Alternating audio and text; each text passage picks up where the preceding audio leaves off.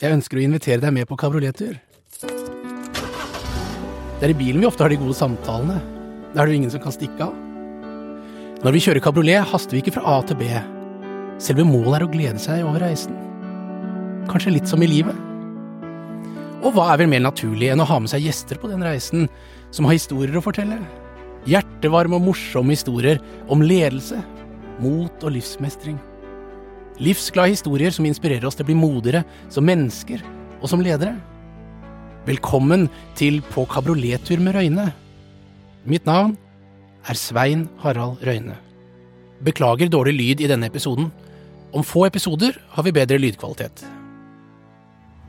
I dag så har jeg vært så utrolig heldig, privilegert, å få med meg Ja, jeg, jeg, jeg sier jo alltid den fantastiske, jeg, da. Eh, Kom igjen. Ja, jeg gjør det. Du tåler det. Du tåler det, ja. Fantastiske Hanne Sørvåg, som har tatt seg fri eh, til å bli med på en liten tur sammen med meg her på, på kabrioletter med Ja. Røyne. Du, jeg trenger ikke ta meg fri sånn eh, Det sitter ikke så langt inne å ta meg fri for å gjøre det. Det gjør ikke det? Jeg elsker å bli plukket opp i en flott bil og være på tur. Ja, det gjør det, Det syns jeg er selve friheten. Å, så Og å fantastisk. da. kjøre sånn som dette med vind i håret og Å, fy søren. Ja, og og du har, har du eh, hår, Hårfrisyren min, den forblir jo sånn som den er, da. Men Litt sånn praktisk sånn sett. ja. Nei, altså, jeg eh, lurte litt på om jeg skulle ta dette skjerpet her eh, rundt hodet. Sånn, litt sånn old fashion Ja. cabriolet-look. Det Men passer, det. samtidig så liker jeg så godt litt vind i håret Ja. at eh, det, det fikk bli liksom rundt halsen i stedet. ja, og det er helt supert, da. Det er helt supert. Jeg syns det er helt fantastisk å ha deg med, fordi at eh, du er jo en dame som er så i vinden, og så er du så eh, både populær, og du gjør så mye bra. Så Du er både låtskrivingen din og, og ikke minst eh, artisteriet. Ja. Eh, og jeg, jeg jeg ikke, jeg fortalte ikke det til deg litt i stad, men eh, jeg eh, har hørt den um, Say Hello to Goodbye. Den har jeg hørt veldig mye. Ja, du eh, har det? Ja, det siste, siste halve året har jeg hørt mye Ja, av den. ikke sant? Ja, så det har vært helt fantastisk å påvirke og få ut følelsene. Ja, Men det er bra. og jeg, eh, datteren min sa en gang at eh, Og dette har du helt sikkert hørt mange ganger. Music is what feelings sounds like. Ja, det er helt sant. Ja, og det er jo akkurat det du driver på med. Ikke sant? Og som i Say Hello to Goodbye, så prøvde jo vi Jeg skrev den sammen med eh, Chantel, artist fra Barbados. Og så skrev jeg den med Martin Hansen, en produsent jeg jobber mye med. Mhm. Og vi prøvde jo der å finne en sånn en kjerne som folk kan kjenne seg igjen i. Ja. Som låtskriver så vil vi jo gjerne prøve å beskrive en følelse Ja. som andre folk òg har kjent. Men det må være en følelse som vi kjenner til. For ellers så, så går det ikke an å beskrive den. Så disse låtene her er jo personlige, fordi at du må grave litt etter Når hadde du den følelsen? Ja, ja. Hvordan var det? Så du må på en måte litt sånn til bunns og hente litt skatter. Selv om du kanskje til og med er over den perioden, og at nå liksom Nei, nå går det fint, og man er lykkelig og sånn. Så må du kanskje dra ned dit igjen, der som det var når du var på bånn og hadde, hadde det vanskelig, da. Ja, ja, ja. For å hente liksom innhold til, til låtene. Mm. Ja, men Det er veldig bra, men det er interessant det du sier også, fordi jeg holder jo masse foredrag. Eh, og jeg, for at, det skal, for at det skal funke, så må jeg treffe publikum sine følelser. For de må ha en gjenkjennelseseffekt i det. Hvis ikke jeg klarer å treffe på den måten, så blir det ikke relevant for dem. Nei, og det er jo det med, Det det det med følelser uansett. Du må nå de strengene der, ellers så blir det ikke noen opplevelse. Nei, nei. Så når jeg eh, spiller konsert òg, så sier jeg jo at eh, hvis jeg eh, kan glede og røre, så er jeg fornøyd. Ja. For jeg vil elske når de ler. Så hvis jeg forteller en morsom historie, og de ler og en gang var det en som lo sånn nesten datt bakover på stolen. Det syns jeg var altså så herlig. Ja, det skjønner Det var så tilfredsstillende følelse, og jeg tenkte sånn Å, jeg vil at de skal le alltid. og så, hvis jeg ser at det liksom det blinker litt i tårer her og der ute i publikum, så blir jeg òg veldig glad. Da blir du enda gladere. Ja, for det, da har jeg liksom Da har jeg nådd de strengene der. Og det er det jeg syns er meningen. Men jeg er òg liksom litt opptatt av at en konsert den går så bra som publikum sine hjerter er åpne for å ta imot. Fordi at vi gjør det samme. Meg og bandet mitt eh, vi har disse låtene, og vi spiller de sånn og sånn. Og vi legger hjerte og sjel i det hver gang. Men noen går, noen går bare helt råbra, og noen går bra. Mm. Og forskjellen på det, det er hvor åpne sin publikum kommer. Ja, ja. Så det gir jeg de alltid hele kreden for hvis en konsert har gått helt fantastisk. Ja, men da var det publikum Da har, du, da har du fått et bra publikum. Ja, ja, ja. Så da spør jeg alltid om de kunne tenkt seg å være med på den neste konserten min òg. For det er så greit å ha med seg sitt eget medbrakte publikum. Hvis du vet at de oppfører seg bra og liksom responderer og koser seg, ja, da kan du liksom godt komme med ditt eget publikum. Det høres nesten ut sånn som politikerne ønsker å gjøre nå. De ønsker å bytte ut folket fordi at Ja. de det, er det, det er det du gjør. Ja, ja, det gjør jeg. Nei, men det er veldig bra. Eh, Men det er jo det å engasjere følelsene ut til publikum hvis ikke du klarer å få dem. Og det er følelser i form av enten om de gråter eller ler eller blir nesten provosert. Altså, men bare du treffer følelsene, fordi da, eh, da har du på mange måter eh, åpnet eh, sinnet deres slik at de tar imot. Ja. Hvis de er uengasjerte, da er det ingenting som kommer inn. Nei, det er helt sant. Og fall for meg som holder foredrag, da kunne jeg nesten sendt de på powerpoint. Så kunne de lese den på egen hånd. Ikke sant?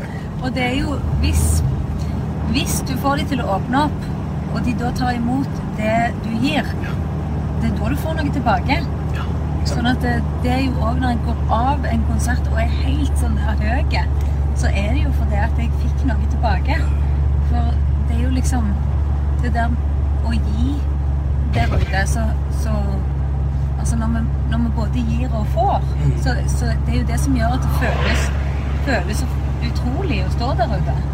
Så, um, Så hva er, hva er drivkraften din? Altså, hva er den udrivkraften din til å holde på med det du gjør? Du har jo valgt en, en, en eh, retning som eh, på mange mange drømmer om å kunne tenke seg å leve av det, og det er tøft og vanskelig. Det er ikke så mange som lykkes sammenlignet med de som, som, eh, som gjør det, og, og, eller som ikke gjør det. Og da er det spørsmålet hva er, hva er det som driver deg? Og som har gjort det Altså, det der var bare noe som Det måtte bare bli sånn. Jeg kjenner det igjen når jeg ser artister si det i intervjuer når de er helt sånn unge. Så sier de men det er Jeg bare må dette. Og, og da tenker jeg OK, den, den har den greia der. Altså, da er det ingen vei utenom. Nei. Og det var liksom sånn Jeg så et stjerneskudd når jeg var seks år, og på vei hjem over liksom plassen, og det hadde mørkna, og så så jeg et stjerneskudd. Så ønsket jeg meg at jeg skulle bli popstjerne. Ja, okay. Og det var liksom mitt første stjerneskudd. Mitt, min første mulighet til å ønske meg noe. Ja, ja. Og da var ønsket å bli popstjerne. Det var det, altså. Men på den tida så, så var det jo mange andre òg som hadde lyst til å bli popstjerne. Ja, ja. Så enn så lenge så fikk jeg si det, og så var det sjarmerende så søtt, liksom. Men så begynte jeg å bli sånn 14-15, husker jeg. Og da, når jeg sa det da, så begynte folk litt mer sånn Nei, men har du ikke noen andre planer ennå, liksom? Ikke sant, ja. Skjønte Du har ikke vokst fra det? Nei, sant? Nei. Skjønte ikke at jeg mente alvor, og noen lo. Og, og Nei, men jeg var bestemt, det var jo det jeg skulle. Jeg følte det på meg at det er dette her som er mitt, mitt kall, kan du si. Er ikke det en gave å kunne jobbe med det som er et kall, som Jo. passion, lidenskap? Det er det, og det har jo gjort at eh, jeg har ikke gitt meg når det har eh, vært vanskelig heller. Ja, har du hatt mye Fordi- motgang? Ja, jeg har hatt eh, flere perioder der det egentlig ikke så ut som det, som det gikk så bra. Eh, jeg fikk platekontrakt ganske raskt på den første demoen jeg eh, spilte inn, og, ut den første plata mi og, og sånn, men så svarte ikke salget til forventningene Nei. i forhold til hvor mye de hadde brukt på den plata og sånn. Så da ble jeg løst fra den, den kontrakten. Ikke sant? De er da- utålmodige, disse. Ja, ja, ja. Ja, det var begynt å bli håra bud i bransjen allerede med, når det kom med nedlastinger og sånn. Da, så da måtte det på en måte svare til, eh, til budsjettet ganske raskt. Mm. Så, så da, da sto jeg på en måte på bar bakke igjen, og det var egentlig ikke så mange som hadde lyst til å jobbe med meg, fordi jeg var på en måte ferdig da. Da var, jeg Da var du liksom- ferdig, ja. Ja, da var jeg blitt eh, løst fra kontrakten. Jeg, jeg var en usign artist, og det, de kunne ikke jobbe med usignede artister, det var mange som sa. Oi. Og så, så, jeg, så da var det på en måte som å bygge det opp igjen litt på ny, da. Men, Eh, men, men, men hvor- hva var det som holdt det oppe da? For jeg vil jo tro at det var, var tungt. Ja, Tøft. det var jo det. eh, Men noen ganger så er det det der at du kan oppleve at du blir avvist. Ja. Men så blir du egentlig bare på en måte dytta i en, en annen retning til noe som kanskje kan være bedre, til og med. Du vet hva, Det der syns jeg var innmari bra sagt. Ja. Det, Fordi eh, jeg snakker mye om dette her å bli avvist, mm. og det er den verste følelsen Ja, vi mennesker er har. ikke sant? Vi frykter den. Det er en av de fem grunnleggende fryktene våre. Mm. Og, eh, og det du jo sa der, det, det er jo på en måte en teknikk for å takle det. mm, Den avvisningsfølelsen. Rett og slett at eh, nei, det er faktisk en måte å bli pushet i en annen mm. retning som kanskje kan være vel så bra. Eller? ja, og jeg tror at det kommer akkurat de gangene der når det er en, jeg snakker om en avvisning, så er det noe annet litt lenger nede i veien som du kan tenke at liksom Å ja, men dette var jo kanskje bedre, da. Og det, litt sånn ble det for meg da, for da søkte jeg meg til andre, andre merker. og havna i Stockholm og fikk en internasjonal låtskriverkarriere. Og det er klart at det er et utrolig nettverk som jeg kan benytte meg av fremdeles i dag. Um, og fikk òg noen Fikk òg noen medieoppslag som hadde vært litt vanskelig å få bare med å drive et artistvirke i Norge. da. Mm. Så jeg fikk ganske mye sånn eh, Fikk litt sånn drahjelp av det der. Ja. ja. Så- Så, budskapet ditt er at det, eh, selv om det kan se mørkt ut, så kan det hende faktisk at det er til det beste hvis du har litt lengre perspektiv. Ja, jeg, jeg har klokketro på at hvis du bare blir værende i noe Bare ikke, ikke kast inn håndkleet da, eller ikke gi deg akkurat når det liksom ser som verst ut. Fordi noen ganger er det mørkest i timen rett før sola står opp. Og det, det har jeg erfart mange ganger. At eh, akkurat da når det ser som verst ut, så, så kommer, kommer det et slags vendepunkt. Mm. Da skjer det et eller annet. Fordi jeg tror at det, um, sånn som det fungerer i universet, er at det, tomrom vil alltid fylles opp. Altså, Det er bare noe med energier og noe med Så, med en gang noe er renska, altså når du har mista noe, mm. eller noe har forsvunnet, så er det en slags vilje i universet og energiene til å fylle tomrommet. Så det er egentlig når det ser ut som du har mista alt, at du, du kan få noe. Ja. Sånn, For ellers så vil jo disse rommene rundt oss allerede være fylt opp av noe. Og da er det ikke så godt for nye ting å komme inn, da. Er, du litt, er du litt spirituell? Jeg er veldig spirituell. jeg skal prøve å ikke gå altfor langt i mine spirituelle teorier, men, men det er jeg iallfall sikker på at det er de gangene der For det har skjedd med meg hver gang. At når det så ut som bare Ja, nei, nå tok alle med seg eh, tingene sine og stakk. Mm. Både bookingagenter og kjæreste og plateselskap og eh, han der Han som jeg leide hos òg. Plutselig så sto jeg uten leilighet, uten platekontrakt, uten kjæreste. Alle dro. sant? Ja, verden. Og så tenkte jeg Hjelp! Hva skal jeg gjøre nå, liksom? Men da var det jo tomt. Og da begynte det å fylle seg opp med nye ting. Ikke sant? Ja, jo, men Det syns jeg er et veldig godt bilde. Mm. Så det er, det er, uh, det er Men du ga ikke opp. Det er det som også var poenget. Ja. Du bare fortsetter videre på den veien som du vil. Ja, og noen ganger så Det har jo gått liksom i Det har gått opp og ned hele tida, egentlig. Ja. Fordi at det er ikke en bransje som du kan eh, finne helt sånn pålitelige rammer i. Så dermed så må du være fleksibel og smidig og finne ut ok, hva gjør vi nå? Nei, nå var det slutt på den inntektskilden der. Da må vi kanskje gjøre litt mer sånn. Eh, ok, nå funker ikke det. Hva skal vi gjøre sånn? Nei, men nå funker det. Da gjør vi det. Sånn? Du, du må hive deg på litt. Du, du lever det du, det du fanger. Da må du være der ute og Ja, så du, liksom ja, du må ha. Ja, ikke sant? Du må ut og lete. Ja. fantastisk. Så, men det er en stor jeg, jeg ville ikke brukt livet mitt på noen ting annet. Og det er så stor overvekt av gleder. Og jeg syns jeg har hatt det så utrolig spennende. Noen ganger så har jeg jo hatt det litt eh, tøft og ensomt og utrygt. Men det er ingenting i forhold til hvor spennende og gøy det vært. Nei, ikke sant? Så oppturen er mye høyere Ja, det er det. eh, enn si.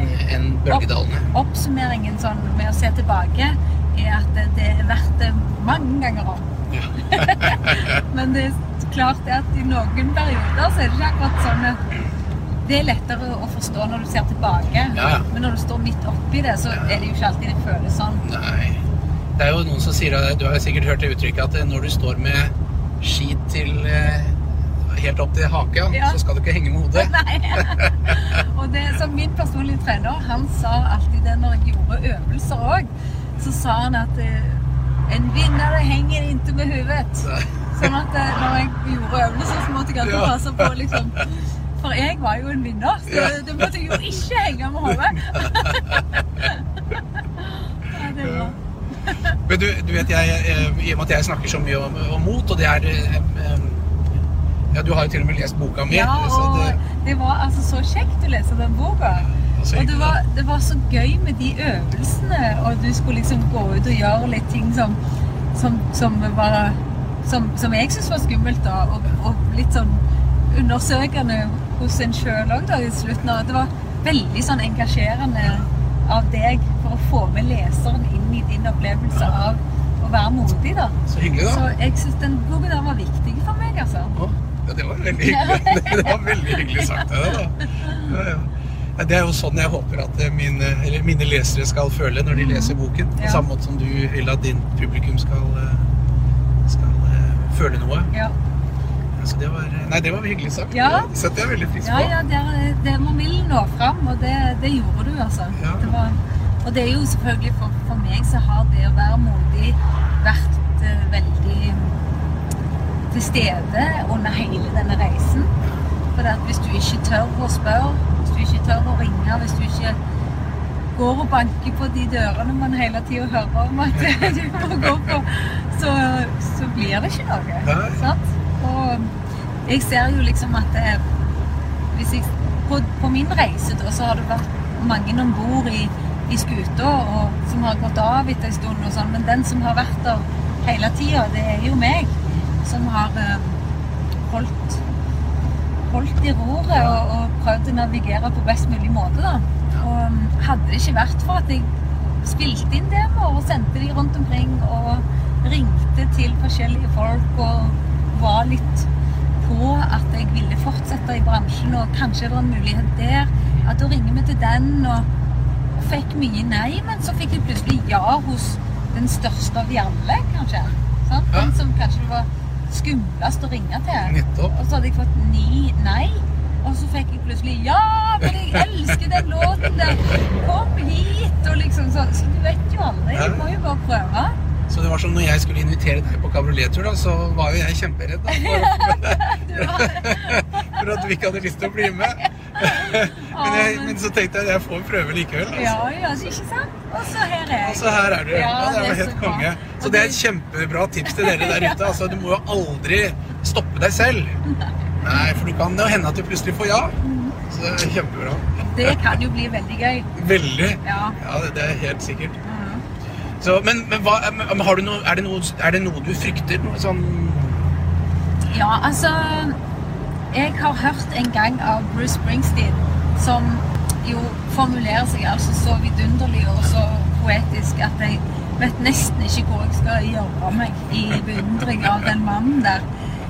Han sa en gang at når du åpner opp for kjærligheten, så, så slipper du frykten òg inn. Du kommer frykten inn samtidig. Og han snakket da om kona si og ungene sine, som idet han fikk noe så vidunderlig, så stort, så ble han redd både for eh, å miste de, og han ble redd for døden. Mm. Fordi at dette var så, var så viktig for ham. Ja. Den kjærligheten ble så stor. Og det er det, Når han sa det, så rant tårene. For det kjente jeg meg veldig igjen i. Gjorde det, ja? Ja, det er det der med og den frykten som følger med å våge å slippe kjærligheten inn. Det er kanskje det skumleste. Ja, hvordan takler du den frykten, da? Jeg jobber med det. Jeg jobber med det hver dag. Pirka jeg i noe som var litt øh, vanskelig? Nei, nei, jeg, jeg har gått mange runder med meg sjøl med det, da. Men det, jeg vet at det er der min frykt eh, kommer opp. Fordi at eh, på andre ting så har jeg på en måte torpedert frykten min og bare sagt at den skal ikke stå i veien for meg. Har den har du trosset. Ja, så da har Trosset den i stykker. Ja, og selv om jeg liksom Noen ganger så har jeg hatt eh, tvil om, eh, om meg sjøl, og, og liksom Om jeg var god nok bare som, som person. Men jeg har hatt veldig sterke tro på meg sjøl som artist. Så den har liksom eh, Den har vært som gjennomgående gjennom liksom litt sånn dårlige kritikker, kanskje, eller liksom eh, avvisninger, eller liksom Sånn så har jeg allikevel sovet med en tro på at ja, men jeg vet hva jeg har å komme med. Og jeg vet hvor, eh, hvor bra det er. Og Det føles rett og slett som om det er objektivt. Det er deilig, det er ikke deilig å gjøre sin subjektive oppfatning til en objektiv jo, jo, den er helt objektivt! objektiv. så, så altså, der var jeg på en måte ikke så lett å vippe av pinnen. Nei. Men eh, sånn Den selvfølelsen som ikke går på hva jeg kan prestere via talentet mitt, Mm. eh, men bare på hvem jeg er som person, den var mye mer vaklende for meg. Den, eh, jeg ble så veldig fort usikker på om, om jeg var god nok bare som Hanne. Ja, uten, uten prestasjonene dine. Ja. Sånn at det der, og, og da var jo det kanskje sånn i private relasjoner at det viste seg litt, da. At eh, jeg ble veldig fort uh, usikker på om det var bra nok. Men Jeg tror ikke du er alene om å, å føle det der. Det tror jeg det er veldig mange som kjenner seg igjen i. Ja. Ja, Det tror jeg definitivt. ja, det er jo der du på en måte møter deg sjøl, da. Hvis du skal åpne opp for noen andre, så må du på en måte Det rare er jo at du møter noen du liker, og istedenfor å bare se på de og tenke 'Å, jeg liker deg så godt', så rettes istedenfor spotlighten mot en sjøl. Og så begynner du å granske deg sjøl og tenke 'Men liker jeg egentlig meg?' Er jeg bra nok? Ja, og det er veldig rart, fordi eh, det er akkurat som det å møte noen som, som appellerer til deg. Sett i gang den prosessen der. Mm. At du da må begynne å granske deg sjøl. For det, eh, det er jo enkelt å være i relasjon med seg sjøl, for så vidt. Altså, Ja, du har jo bare du- har jo vant, vant deg til det, liksom. Og sånn, ja, og jeg er sånn, og liksom Men hvis du skal, med en gang du skal være med noen andre, så må du begynne å lure på liksom, om, om det holder mål for den, Ja, liksom. tenk. Er ikke det synd, da? Jo, det er veldig synd. Det er veldig synd. Så jeg er i alle fall sånn, såpass bevisst på det at det går an å gjøre noe med det. Ja, jeg, det, for det syns jeg er bra. For jeg, du setter jo ord på noe som kanskje mange andre ikke klarer å sette ord på, men som de faktisk eh, eh, føler. Ja, det kan være en sånn en, sånn en frykt som bare ligger og lurer der. Mm. Som du egentlig ikke helt klarer å få helt tak på. Men siden jeg har gått på sånn eh, Jeg har jo gått på sånn utforskningsreise i meg sjøl. Egentlig for å finne ting å skrive sanger om. Ja, ja, ja. Så har jo jeg kommet innom mange av disse landskapene som inneholder både det ene og det andre. da. Mm. Funnet liksom sånn Å, hei, her var det mye rusk. Jøsse navn, hva skal vi gjøre med dette her? Var et helt sånn svært eh, lite uhyre som satt der og bare var livredd for alt. Bare, ok, Og du? Hvor lenge skal du bli værende? For det var jo ikke noe gøy at du var her, liksom. Så, så jeg har jo fått jobbe med meg sjøl mens jeg har skrevet disse låtene, da. Og- Så det er litt, litt terapi òg, da, på en måte? ja, ja, ja. Og skattene fins alltid der da. På bånn, eller i, inni, inni den mørke kroka der. Altså, det er liksom Der du helst ikke vil gå, er der du finner det, der, der du finner gull. Så da prøver jeg å Da har du funnet mye, har du funnet, har du funnet, har du funnet mye gull? Ja, ja, ja. Jeg finner stadig gull, jeg. Ja, er, er ikke det deilig? Jo, det er det. Og, så, og nå da, på, jeg kommer med en ny plate nå, og da er det, for jeg har alltid sagt, når jeg har veiledet andre som låtskrivere, så har jeg sagt, du må våge å grave dypt, og du må våge å gå inn i dine egne ting. Personlig. Ja, du kan ikke bare sitte og se på at den og den hadde problemer i kjærlighetslivet. Jeg, jeg skriver litt om det. Hvis ikke du har kjent på følelsen, så kommer du aldri til å kunne beskrive den på en så eh, genial måte at, det- at det når fram til noen. Og at det blir en veldig, at det blir en veldig bra låt med litt sånn egen, eh, egen driv på. Det blir ekte. Ja. Så jeg sier alltid det, du må grave dypt. Men faktisk så har ikke jeg tort å grave så dypt sjøl. Nei, det har vært Men jeg syns jo de virker tekstene, og det virker jo veldig personlig. Jo da, og de er liksom sårbare, men det var akkurat som litt sånn hit og ikke lenger. Eh, Så jeg kunne skrive om, om sånne ting. Men nå på denne plata her så har jeg fulgt mitt eget råd om å grave dypt og gått inn i noen kroker som, som jeg syns var skumle å gå i. Så nå har jeg noen låter om liksom familie og oppvekst og litt noen sånne ting som jeg, som jeg syns var litt sånn vanskelig. Skal vi virkelig åpne den boksen der, liksom? Pandoras Ja, boks. ja. Ja. Men uh, Det gjør du nå. ja da. Det, og det har, vært, det har vært fantastisk fint, det, altså. Det var ikke så skummelt som jeg trodde når jeg først bare begynte å gå inn i det. For jeg tenkte Jeg har alltid sagt at, at man må grave dypt Ja. som løsskriver. Men jeg vet akkurat hvor jeg ikke har tort å grave sjøl. Og så gjorde jeg det. Men det er interessant. Jeg, I mine foredrag så pleier jeg å snakke om, eh, om sårbarhet. Mm. Uh, og, og så har jeg, kommer jeg med en påstand, og den er at eh, det å gjøre seg sårbar, det gjør deg usårbar. Ja, det er helt sant. Ja, du deler den Ja, ja, ja. Og jeg tenkte faktisk på det i går. For jeg var på en yogatime, og da var det instruktøren der som, som spurte meg om noen råd. For det er sånn der chanting i begynnelsen av yogatimen, altså sang. Liksom, Ja, ja, sånn. synger noen vers på ja, ja, ja, litt sånn. Ja, ok. På sanskrit eller noe sånt. Og så spurte meg om noen råd, for hun syntes det var litt vanskelig med den synginga. Liksom. Og så tenkte jeg Nå har hun foran alle oss eh, vist sårbarhet. Ja. Sagt at hun syns at det er vanskelig. Spurt meg om noen råd. Sånn at ingen i det rommet vil dømme henne når, hun, når den synginga begynte. Nei, ikke sant? Det er helt riktig. Og det var, så tenkte jeg der, dette her er helt magisk. For istedenfor at vi satt og tenkte sånn Herlighet, hva er dette for noe? Det, det var ingen grunn til å gjøre det, fordi at hun sang helt fint. Ja, ja. Men, men det kunne vært det. Ja, det, og, og da, men fordi at du har vist sårbarheten, så er vi enda mer sånn Vi rommer enda mer. Og det er jo fordi at eh, hvis noen sier Hvis noen innrømmer at de ikke er perfekte, så trenger ikke vi å være perfekte sjøl heller. Nei, nei, Og da blir vi jo så mye friere. Og da blir jo alt så mye kjekkere. Ja. Så det, det er derfor det, det er en genistrek å, å innrømme å være sårbar. Jeg er helt enig. ja, det er sant. En genistrek. Ja, det var et annet ord for det. Ja. Genistrek. Ja, ja, ja, det er det.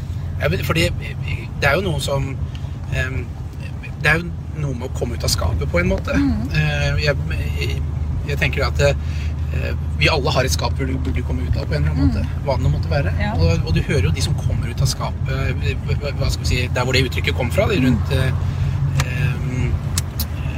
homofili og, og, og det, hvor, hvor, hvor frie de føler seg ja, Ja, ja. etterpå. Og hvor sårt det er hvis noen beskylder dem for å være det uten at de har innrømmet det. Mm. Så på mange måter så Sårbarhet, det å tørre å gjøre seg sårbar, setter deg fri. Ja, det gjør det. Ja, det er helt sant. Og det har jeg hatt noen sånn forløsende opplevelser av sjøl òg. Der jeg har innrømt tvil på, på, på meg sjøl eller på et eller annet jeg har stått oppi. Så har jeg plutselig fått så veldig mye støtte. Ja, Og så har jeg tenkt å ja, fordi at eh, jeg har ikke fått støtte før, for jeg har ikke eh, vist til noen at jeg trengte det. Men med en gang jeg slapp litt eh, opp og sa at dette syns jeg er vanskelig, Mm. så, så bare strømte det støtte og velvilje mot meg. Det er jo liksom det der vi må kanskje kommunisere at man trenger litt fra andre òg Ja. innimellom. Sånn, Hvis du går rundt og ser ut som du er liksom klarer deg helt fint, Ja. og her går det bra, sant? så er det ingen som får lyst til å gå bort til deg og klappe deg på skulderen og si 'Dette går fint. Dette klarer du'. Ja, nei, Men fordi de kanskje- de aner jo ikke hva som foregår inni der. Nei, men jeg tror at alle trenger Alle, ja. klapp på skulderen og si at dette Du klarer deg fint, altså. Jøss, dette går godt. Sant? Det er bare den der Hvilken jobb som helst, så alle vil jo bli sett. Alle vil bli sett. Mm. Jeg hadde en eh, Jeg jobbet med en toppleder jeg, som eh, ingen visste at han, han slet kjempemye med, med stress og så videre. Og hans største og da, Vi kom inn på dette med sårbarhet, eh, og også dette med å bli avslørt på mange måter av den sårbarheten. Ehm, han var helt tiden redd for å bli avslørt av både presse og medarbeidere og ledergrupper og alt sammen. Så, og, den dag, og, så, og så turte han å fortelle til sin ledergruppe at eh, jeg hadde, ikke- hadde ikke så bra. Han fikk jo masse støtte. Ja. Og det er noe med um, Hvem er det som liker perfekte mennesker? Nei, det, vi gjør jo ikke det. Og så er det noe med det der, sånn som du sier, man leder òg. Av og til når den som er på toppen, er det liksom ingen som passer på å, å gi litt feedback. Eller der kommer ofte alle, alle tingene som går feil, eller den har på en måte ansvaret. Så plutselig er det ingen som sier hva den gjør som er bra, da. Så du sitter igjen uten noe uten tilbakemelding. Ja. Uh, og dermed så er det jo viktig at de òg av og til viser at eh, de kanskje trenger det, eller uh, vil ha liksom innspill og liksom åpne litt opp for det, da. Ja. Men den der juksemakerredselen, den sitter jo mange med. At de er redd for at Å, nei, nå er det noen som kommer til å forstå at jeg kan ingenting. Og jeg burde jo aldri vært her i Nei. denne jobben eller i denne posisjonen eller sant? Men eh, den har jeg faktisk jobbet med. Og til slutt så har jeg bare Den har jeg gjort meg til venns med. Så jeg, jeg har ikke den at jeg er redd for å bli avslørt. Nei, frykten for å bli avslørt. Men det er en av disse fryktene som, som jeg snakker om. Ja. Jeg snakker om den blir avvist og, og, og avslørt. Mm. Avvist har jeg mye av. Det, å, det er det verste jeg vet. Og jeg, jeg, det kan komme opp hvis jeg bare ikke får svar på en mail, til og med. Sånn, Så kan jeg føle meg avvist. Så den, den har jeg litt mer jobb igjen å gjøre på. Men, men jeg har gjort meg til venns med den der med, avslørt. Ja, er For der føler jeg at det, nei, nå er det nok grunnlag å hekte på at jeg kan det jeg driver med. Og, og jeg liker sjøl det jeg driver med. Fordi det er faktisk ingen andre sin jobb å like det jeg driver med. Det er min jobb. Og alle de andre får gjøre sin jobb. Men hvis ikke jeg liker det, da må jeg gjøre noe annet. Ja, ja, ikke sant. Men jeg liker faktisk det så godt at når jeg hører en låt på radioen som jeg har skrevet, men som det er så lenge siden jeg har skrevet at jeg kanskje ikke husker engang, så kan jeg, så kan jeg sitte sånn her Oi, den her var fin! Det var lenge siden jeg hadde hørt òg denne. Og så plutselig bare Å, det er min! Det er, ikke, du er sikker på at ikke det er Alzheimer light? Det kan godt være. Altså, det ble så mange sanger en stund der. Ja, jeg skjønner til det. Hvor mange sanger er det? 400 Eh. eller noe sånt? Eller, mener jeg har hørt. Ja, det er iallfall Ja, det kan være rundt 400 så utgitte låter, da. det er jo helt vilt. Mm, det er jo det. Ja. Og, det. og dermed så plutselig så er det noen inni der som jeg har glemt. Fordi kanskje bare skrev jeg den på én dag i Stockholm for mange år siden. Og så ble han bare tatt videre og utgitt i um, Australia. Og så den gangen jeg plutselig hører han, da, det er når jeg tilfeldigvis er i et land som, som spilte den, liksom. Um, og da er det jo lenge siden sist og litt sånn. Men, men det viser jo at når jeg sitter og, og digger til min egen låt, før jeg vet at det er min egen låt, så viser jo det at jeg liker det jeg gjør. ja, ja. Og dermed så, så, så kan ikke jeg gjør noe annet. Jeg gjør det, den musikken jeg liker. Og, og det, med det så har jeg fått et veldig greit forhold til sånne anmeldelser og sånn òg. Jeg vil gå så langt som å si at jeg har nesten ingenting med hva de syns om det jeg gjør. Nei. For det, at det er deres sak. Det er deres sak, og- og deres smak. Nettopp, for det er deres smak. Ja, og det, men jeg har noe med hva jeg syns. Så syns jeg det var bra, så slår vi oss til ro med det. Ja, det er veldig bra. Mm.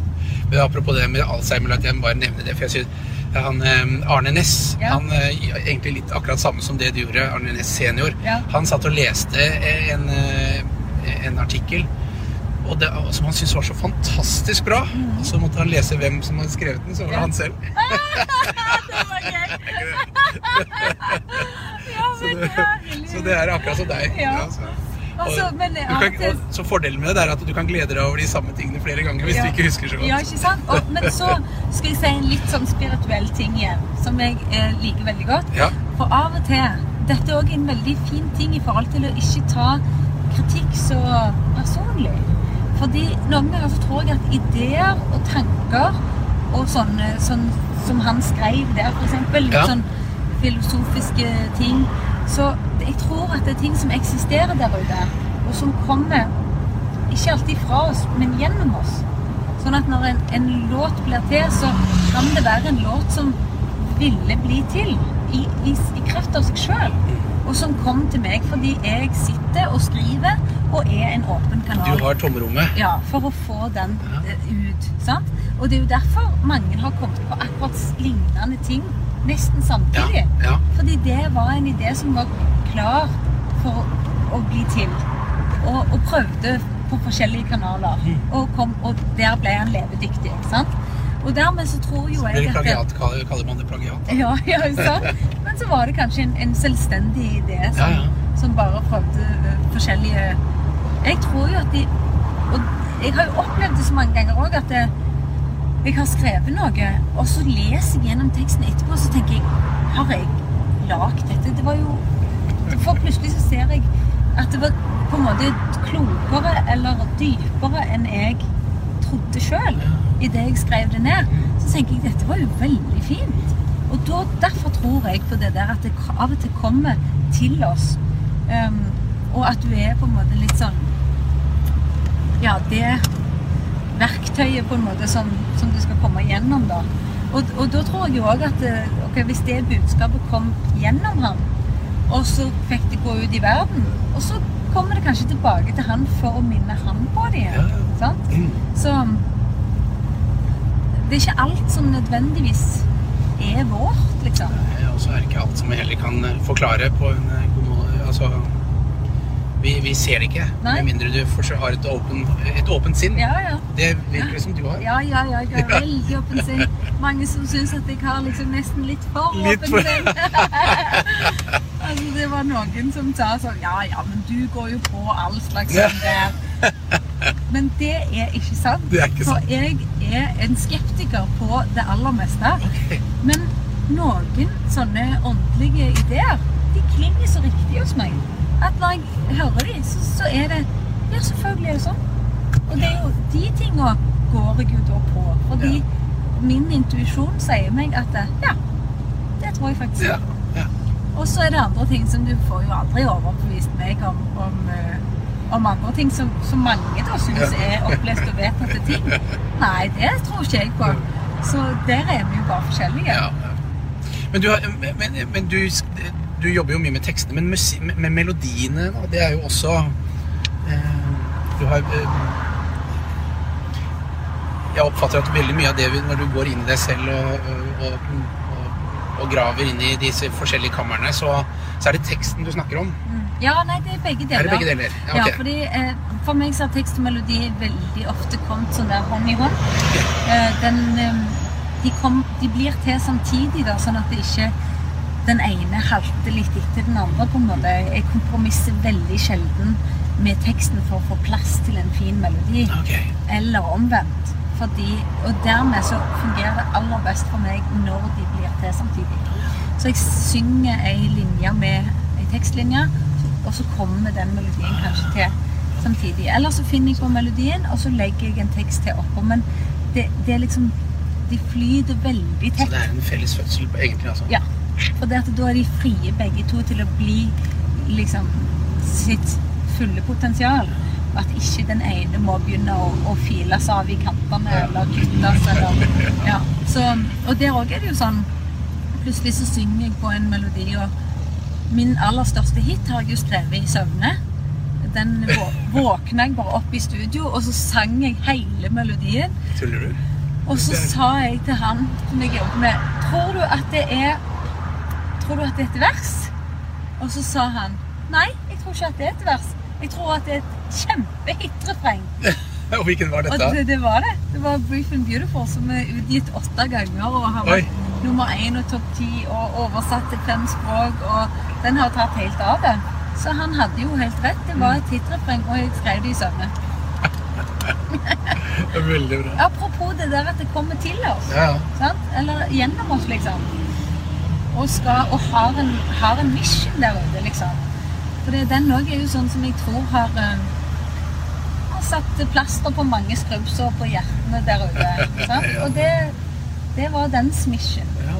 Og inkludert mitt eget. Altså, for jeg skrev jo om en ting som jeg hadde gått gjennom som var vanskelig. Og det, at den låten kom ut av det, det er jo det den, eh, det plasteret jeg får ha med meg for alltid på at jeg gikk gjennom en vanskelig opplevelse, liksom. Så Veldig gøy.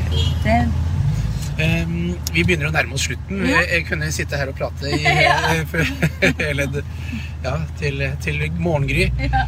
Men er det, noe, er det noe råd eller livsråd eller noe som du har fått som du vil dele med andre, eller um... Ja, jeg har fått uh, de, altså det klokeste sitatet jeg vet om. Det har jeg fått av en av mine aller beste venner, som en gang sa til meg For da begynte jeg å være i offentligheten og lurte liksom på hvordan jeg skulle te meg og sånn. Og da sa han hvis du bare er deg sjøl, så henter du fra en brønn som aldri blir tom. Og han har glemt at han har sagt det til meg for lenge siden, men jeg gjentar det igjen og igjen, for for meg så var det så viktig. Og Det var utrolig godt sagt. Det er så fint. Og jeg henter virkelig fra en brønn som aldri blir tom. Fordi jeg har akseptert eh, den jeg er, og jeg henter derfra. Jeg prøver ikke å være masse annet. Og det gjelder ikke bare om du er eh, offentlig. Det gjelder alltid. Det gjelder alltid. Ja, for du, hvis du driver og spiller at du er så mystisk og, og, og mørk og hemmelighetsfull, og så egentlig så er du som ei åpen bok og omgjengelig og blid og glad, altså da Du må alltid holde på å huske på hva det var Hvordan var det når jeg skulle være? Hva var det når jeg Altså, en løgner har jo trøbbel med å huske løgnene Ja, sine, ja, ja. men hvis du snakker sant, så går du jo tilbake igjen bare til det som egentlig skjedde. Mm. Og det er litt av det samme. Um, så det der å bare være den du er, og stå for det, liksom. Først må du kanskje akseptere den du er, da. Nettopp. 100 Og så være den med vilje. Det er, noe, det, er i hvert fall, det har vært det viktigste for meg i mitt Synes var, det syns jeg er noe av det klokeste jeg har hørt på veldig lenge. Det, det var helt utrolig flott. Det, det går ikke an å avslutte på bedre, med bedre poeng enn dette her. Det må jeg si. Så, um, så jeg lurer faktisk på om vi skal la den få lov å henge i, i luften til alle dere seere som er med. Um, og så si da tusen hjertelig takk til deg, Hanne, som Veldig hadde tid til å bli med på denne turen. Veldig kjekt å være med på tur. Ja, og, og til dere seere som har eh, tatt dere tid til å, å følge oss. Eh, vi ser det har vært mange innom, og det er kjempemorsomt.